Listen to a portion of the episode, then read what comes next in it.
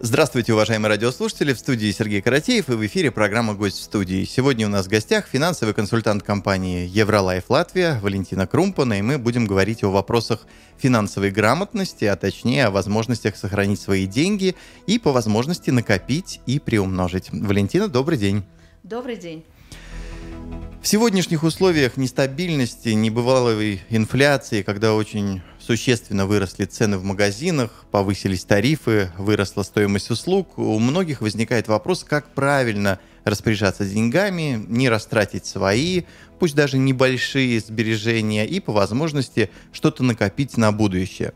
Какое ваше видение сегодняшней ситуации, если какие-то варианты не остаться с пустыми карманами? Вы знаете, конечно, у меня есть четкое видение того, что необходимо деньги собирать или копить. Мы всегда стесняемся этого слова. На самом деле ничего здесь зазорного нет. Если я хочу жить достойно всегда, я должна подумать об этом тогда, когда я могу еще заработать и что-то для себя отложить. Вариантов э, накопления средств на будущее есть очень много. Тем более, послушайте, из всех э, средств массовой информации, из всех э, масс-медиа звучит информация о том, что подумайте о себе сегодня, подумайте, накопите, соберите, создайте себе какую-то финансовую подушечку. Давайте разберем различные варианты сохранения, а возможно и приумножения своих денег на примере ну, среднестатистической семьи со средней зарплатой и небольшой финансовой подушкой. Время сейчас нестабильное. Сколько нужно отложить как неприкосновенный запас? Вы знаете, я сначала хочу рассказать, о каких возможностях дается у нас сегодня э, нашим радиослушателям то, что мы можем накопить и где мы можем это сделать. Дело в том, что у нас в стране существует тоже достаточно много финансовых институтов, где можно собрать, накопить, сберечь тот небольшой капитал, который мы хотим себе создать. Это наши банки, естественно, накопительные счета. Это железная баночка, которую мы все имеем у себя дома однозначно, потому что какую-то копейку всегда нужно иметь рядом с собой.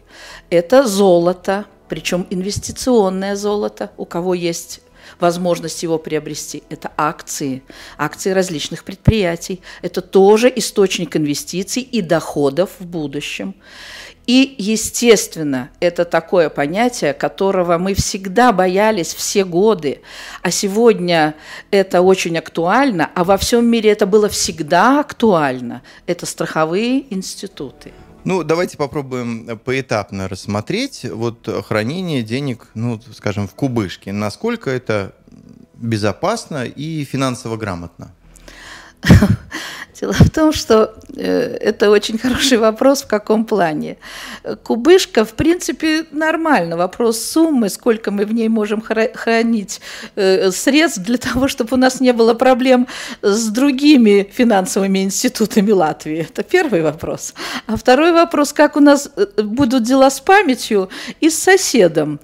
Или Альцгеймера разбила, забыла, где кубышку спрятала, или сосед узнал, что у меня кубышка есть. Вот тут вот эти такие такие варианты очень зыбкие, скажем. Но хотя какую-то сумму определенную наличных средств надо иметь дома. Ну, на экстренный случай. Как говорят, сломалась стиральная машина. И выходной день. Банки закрыты, карточку где-то засунул, взял денежку и пошел купил стиральную машину. Ну, а как вы смотрите на хранение денег э, в традиционных, скажем, банках и вложение их в пенсионные уровни и инвестиционные программы? Вы знаете, я положительно на это смотрю, потому что банк это все-таки э, такой финансовый институт, в котором, ну, скажем, гарантий ну, таких, что стопроцентных нет, но это все равно возможность хранения, возможность этими деньгами пользоваться. Э, если есть необходимость склад, э, хранить деньги в пенсионных фондах нашей страны. Поэтому э, деньги хранить на счетах, потому что есть гарантия возврата со стороны государства, гарантируется 100 тысяч возврата евро. Поэтому банк – это классический стандарт стандартная возможность хранения. Вопрос сберег... накопления – это уже другой вопрос. Ну, а если человек все-таки решил не только сохранить, но и приумножить свои деньги, перед ним встает э, вопрос вложений и дорогостоящих покупок. Давайте рассмотрим вот некоторые из видов вложений. Какие плюсы и какие минусы вложения, скажем, в недвижимость. Вы знаете, да, недвижимость – это тот, та возможность, э, если у вас сегодня есть определенный капитал, вы можете приобрести какую-то недвижимость и потом ею пользоваться не только для личного пользования, но и как э, возможность дохода, то есть сдавать в аренду это помещение, это один из вариантов. Э, затем, в случае, если вам нужно кредитоваться, вы можете э, взять ипотечный кредит под недвижимость, пользоваться этими деньгами, и в случае, если совсем будет трудно, продать эту недвижимость недвижимость. То есть это, да, это определенная возможность накопления капитала. Вопрос момента, насколько это будет прибыльно, потому что недвижимость, рынок недвижимости, мы знаем, э, как он варьирует, падает, поднимается. Поэтому вопрос, когда вы купили и когда решите продать, это 50 на 50.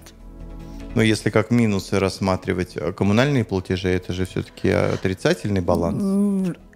Если вы э, купили недвижимость конкретно для себя и пользуетесь этой квартирой, то это, конечно, нельзя назвать не, средством возможности накопительным, потому что, ну, продадите вы квартиру и куда пойдете жить. А если вы купили недвижимость для того, чтобы ее сдавать и делать это как доход, то ну, в принципе, наши э, жители не считают того, что надо ежемесячно платить за эту квартиру. Ежемесячно нужно э, что-то ремонтировать и так далее. И в конечном итоге те средства, которые вложились в квартиру, они не очень быстро вернутся вам назад, чтобы зарабатывать прибыль. Менее затратная тема э, – покупка автомобиля. Что думаете об этом виде инвестиций? Ну, скажем, автомобиль – это тот, э, та инвестиция, которая никогда накопительной частью не считалась. И сегодня это нельзя назвать э, как возможностью накопления. Это возможность скажем так, сервисная. Это то, что нам жизненно необходимо сегодня практически всем. И если ты купил новую машину с салона, она выехала за ворота, и уже минус 30% стоимости она потеряла. То есть это однозначно нет ни в коем образом мир не стоит на месте и появляются новые форматы вложений. Вы что-нибудь об этом можете сказать? Да, есть такая инвестиция в криптовалюту. Это было несколько лет назад очень модно. Все вкладывали деньги в криптовалюту, в различную биткоины, ада. Э, их очень большое количество, этих крипто, криптовалют. Но дело в том, что это рынок, причем рынок, не имеющий никаких гарантий, ничем не подтвержденный и не защищенный ни золотом, скажем, ну вот как золотые запасы. У них нет э, оснащенности собственным капиталом. Поэтому это большие риски. Кто-то, да, скажет, я вложил там купил три криптовалюты, три биткоина, и сегодня я за них получил 30 тысяч. Тебе повезло, могу сказать, но таких буквально единицы, а в основном это минуса. Э, в последние годы мы все чаще слышим предупреждения о финансовых мошенниках. Они действуют и от имени банков, и представляют всевозможные международные биржевые э, фонды. А, и продолжая тему криптовалюты, как не попасться на уловки недобросовестных игроков рынка? Да, я знаю их агрессивные возможности, методы работы, и мне неоднократно были звонки. Но так как я, ну, скажем так, человек, который знает о чем говорит, то, конечно, постараться от этих звонков сказать, извините, до свидания, у меня нет времени. Ни в коем случае не продолжать с этими э, людьми разговор. Это чревато для вас, это как гипнотическое будет на вас воздействие. Если у вас психика даже, даже здоровая, вы можете этому поддаться. Поэтому лучше сразу отказывать и класть трубку. Ну, э, какие еще... Это есть? мой личный совет, да. может быть... Рекомендация. Это моя рекомендация. А какие еще есть инструменты для вложения и сохранения средств? Ну, еще я называла такое понятие, как акции. Ну, это Сегодня для нас, наверное, это были акции в какие-то компании, но я думаю, что это э, для рядового простой семьи это практически ну, невозможно сделать. А есть еще такое понятие, как страховые компании и различные пенсионные фонды. Э, потому что сегодня, если раньше считалось, что страхование – это страховка машины, страховка квартиры, страховка недвижимости, страховка здоровья и так далее, да, то есть это сегодня страховая компания – это не только э, страховка, а сегодня это страхование жизни с накоплением. То есть возможность вложить деньги в страховую компанию, ежемесячно, ежегодно, в течение длительного времени, это долгие деньги – и тогда они принесут вам положительный результат. Можем чуть подробнее об этом поговорить? Можно поговорить, и я хочу остановиться на компании, которая является, уже называла, нашим партнером, компании Евролайф Латвия. Это компания Граве. Может быть, кто-то слышал уже это название. Э, это австрийский страховой концерн, которому в этом году 195 лет – вы представляете, э, финансовый институт существует на рынке уже 195 лет. Причем на протяжении всего периода ни, одно, ни разу не были нарушены условия выплата по договорам для клиентов. Если клиент перед компанией ведет себя также ответственно и порядочно. То есть это страховая компания? Это да? страховая компания. И какая модель э, взаимоотношений с человеком? Вот у меня есть тысяча евро, да? Я ее страхую или какая, какая модель э, работает? Сама, сама э, модель технически, сам алгоритм. Угу. Если у вас есть средства, и вы желаете, чтобы эти средства не пропали, просто сохранились, э, к вам придет наш консультант – проведет вам презентацию, покажет вам все касаемо вас, вашего дня рождения, возраста вашего, расскажет, как сделать, чтобы эти деньги сохранить. То есть э, предложит вам заполнить, написать заявление в компанию Граве, Э, оформит этот документ, снимет копию паспорта, сделаете вы проплату, и ваши документы попадут в компанию Гравы, оригиналы напрямую в Австрию. И затем вам будет выписан страховой полис. Но перед этим будет рассмотрено ваше заявление. То, что вам компания Гравы подходит, я в этом уверена 100%. Вопрос, подходите ли вы этой компании. Э, потому что обязательным критерием является состояние здоровья нашего клиента. Если он здоров, а сегодня молодые все здоровые, а с возрастом здоровья не будет, компания будет рассматривать, может ли она с вами заключить договор. Это своего рода страхование как здоровье? Или Это что? страхование жизни. Жизни. Компания несет ответственность, что если с клиентом что-то случится, в течение буквально первого года после проплаты, то компания вынуждена будет выплатить наследникам большую страховую сумму. Поэтому она очень четко подходит к проверке состояния здоровья клиента. Ну и как только вы заключили договор, он к вам приходит в конверте и вам вручает его консультант, вы являетесь э, членом страховой компании австрийской Граве. И дальше у вас отношения будут напрямую с Австрией, с этой компанией. Насколько это законно? Это законно. Компания Граве зарегистрирована в финансовых институтах Латвии. То есть все очень законно. И даже э, все э, средства, которые внесены по страховому полису в Австрию, в Граве, будут 20% возврат подоходного налога от внесенной суммы, если позволяет бруто зарплата. То есть латвийское государство заинтересовано в том, чтобы наши жители собирали для себя на будущее деньги. Как выглядит все-таки эта модель? Э, если применить ее к человеку, да, живущему в Даугавпилсе сегодня, у него есть э, минимальные жизненные накопления. Ну, я всегда предлагаю да. тысяча евро. Какие его действия за эти деньги? Что он может э, сэкономить, что он может застраховать? И может ли он начать свое сотрудничество с компанией Гравы? Э, он может застраховать свою жизнь. Сколько это стоит?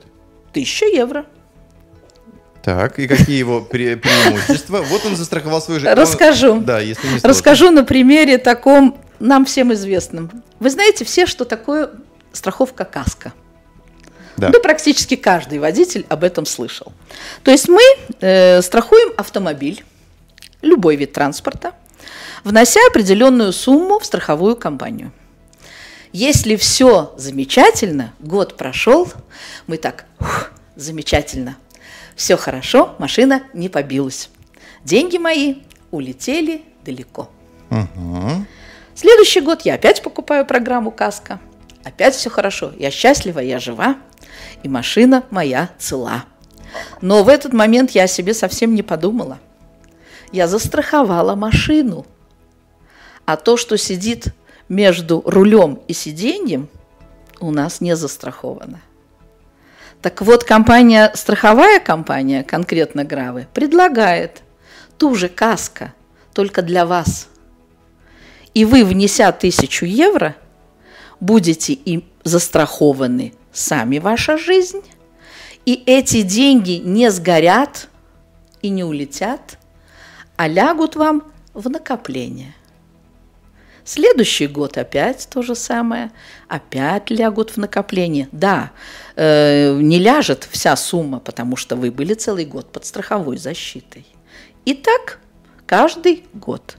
То есть, если бы э, у нас есть возможность, э, благодаря тому, что я страхую свою жизнь, накопить деньги – Хорошо, проходит 10 лет, я не болел, не обращался в компанию за какими-то возвратами. Что произойдет с моими деньгами? Когда будет подходить период окончания вашего контракта, вам придет хорошее письмо счастья, но это на самом деле письмо счастья. Вам будет написано, что вы столько-то лет отбыли программы, мы вас поздравляем. Пришлите, пожалуйста, номер счета, на который я мы вам перечислим вашу страховую сумму.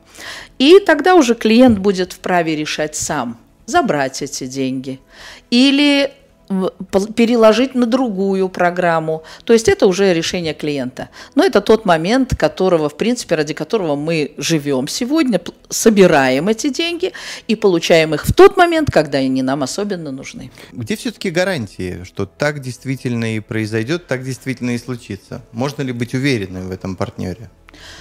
Э, здесь я могу только назвать несколько цифр есть такое понятие оснащенность собственным капиталом. То есть сколько у меня собственных средств, кроме того, что я могу еще и занять у людей. Ну, то есть мои инвесторы, мы все инвесторы компании Гравы, я клиент компании, горжусь этим очень, и я инвестирую деньги в компанию. Собственная оснащенность капиталом компании Гравы 328% против 100% заемных денег. То есть если мы все одновременно напишем заявление и заберем свои деньги, компания Гравы будет жить. Это первый момент. Австрия, мы знаем, замечательная, красивая горная страна. Ну, мало ли, какой селевый поток ее смоет или лавина накроет всю страну. Мы же понимаем, что это риски. Но есть законодательство Австрии, которое требует иметь таким всем финансовым институтам страховые компании, перестраховаться. И наша компания Гравы перестраховывается в двух крупных компаниях Европы. Это швейцарская компания Swissre и немецкая компания Müncher Rück. То есть, если что-то случится с компанией Граве, то с нами будет рассчитываться две перестраховочных компании. А это гарантии. Ну, подводя итог э, и резюмируя все вышесказанное, какой ваш главный совет в вопросе правильного и грамотного распоряжения своими деньгами? Во-первых, постараться не впасть в формулу бедности. Что это такое? Что это такое Коротко. Да. Заработал, потратил на выходе ноль. И формулу банкротства – это еще страшнее. Заработал, потратил, не хватило, полез в быстрые кредиты и так далее. В конечном итоге банкрот. А я хочу, чтобы у вас было так. Заработал, отложил себе хоть 10%, а лучше 30%, остальное потратил. Но пришло время, и вы будете финансово независимы. Это то, чего я всем желаю.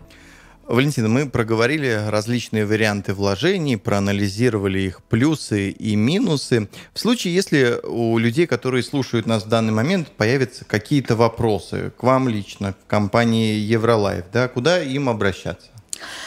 Ну, во-первых, я хочу отправить наших радиослушателей на два сайта, если вам это интересно. Это eurolife.lv, там на трех языках можно почитать информацию. Во-вторых, это grave.at. Если вы владеете английским, немецким, вы сможете получить всю информацию максимально там. И, конечно же, я очень рада сказать, что у нас в Даугавпилсе есть офис компании Евролайф. Это в Сан-Мари отеле. Э, где по записавшись по телефону на встречу, мы проведем вам консультацию. А телефон я сейчас озвучу. Если не сложно. 26 53 47 51 обращайся. И мы обращайтесь, и мы ответим на все ваши вопросы персонально для каждого из вас. Валентина, я благодарю вас за участие в программе, за аналитический обзор ситуации и подсказки, на которые будет полезно обратить внимание каждому из нас. Э, это была программа «Гость в студии». У гостевого микрофона сегодня была финансовый консультант компании «Евролайф Латвия» Валентина Крумпана. Спасибо и до свидания. Спасибо, до свидания. До Программ... встречи. Программу «Гость в студии» на волнах радио «Алиса Плюс» провел Сергей Каратеев.